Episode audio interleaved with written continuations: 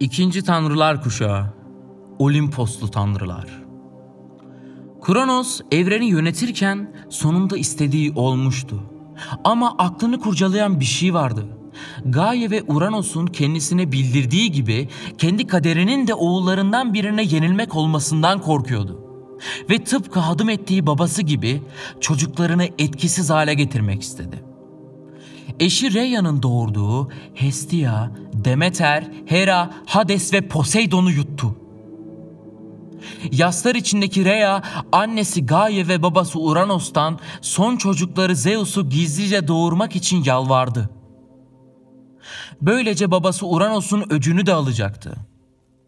Kaderin ne hazırladığını kızlarına bildiren Uranos ve Gaia, Rhea'yı doğum yapacağı gün Girit'te Laktos'a götürdüler. Ve Zeus orada dünyaya geldi. Oğlu Zeus'u ulaşılmaz bir mağaraya saklayan Rhea, bezlere sardığı koca bir taşı Kronos'a verdi. O da kendisini tahtından edecek Zeus'un yaşadığından habersiz taşı midesine indirdi. Zeus'un hayatı kurtuldu, Laktos da babasının haberi olmadan gizlice büyüdü.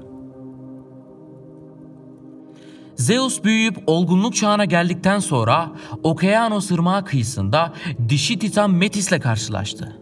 Metis'in Zeus'u yönlendirmesi sonucu annesi Rhea'yı ziyaret eden Zeus, annesine babası Kronos'tan intikam alabilmesi için kendisini Kronos'un sakisi yapmasını söyledi. Rhea bunu hemen kabul etti. Metis ona Kronos'u kusturmak için hazırladığı karışımı verdi. Zeus bu karışımı Kronos'un içkisine koydu. İçkiyi içen Kronos hem Zeus yerine yuttuğu taşı hem de daha önce yuttuğu çocuklarını kustu ve Olimposlu tanrılar tekrardan gün yüzüne çıktılar. Zeus, Kronos tarafından yerin altına hapsedilen tanrıları Tartaros'tan çıkarttı. Onlar da özgürlüklerine karşılık olarak Zeus'a gök gürültüsü, şimşek ve yıldırımı verdiler.'' Bu güçleri elde eden Zeus böylece bütün ölümlüler ve ölümsüzleri buyruğu altına aldı ve Titanlar Savaşı resmen başlamış oldu. Zeus'un babası Kronos'un yerine geçişinin ardından Titanlar arasında bir bölünme yaşandı. Titan kardeşlerden Temis, oğlu Prometheus, Okeanos ve kızı Styx, Hyperion ve Minamoze Zeus'tan yana olurken öteki titanlar Kronos'un yanında saf tuttular. Kronos'un annesi Gaia ise oğlunun Tartaros'u hapsettiği Cycloplar ve Hekatonkeirlerin serbest bırakılması ile Zeus'un zafer kazanacağı kehanetinde bulundu.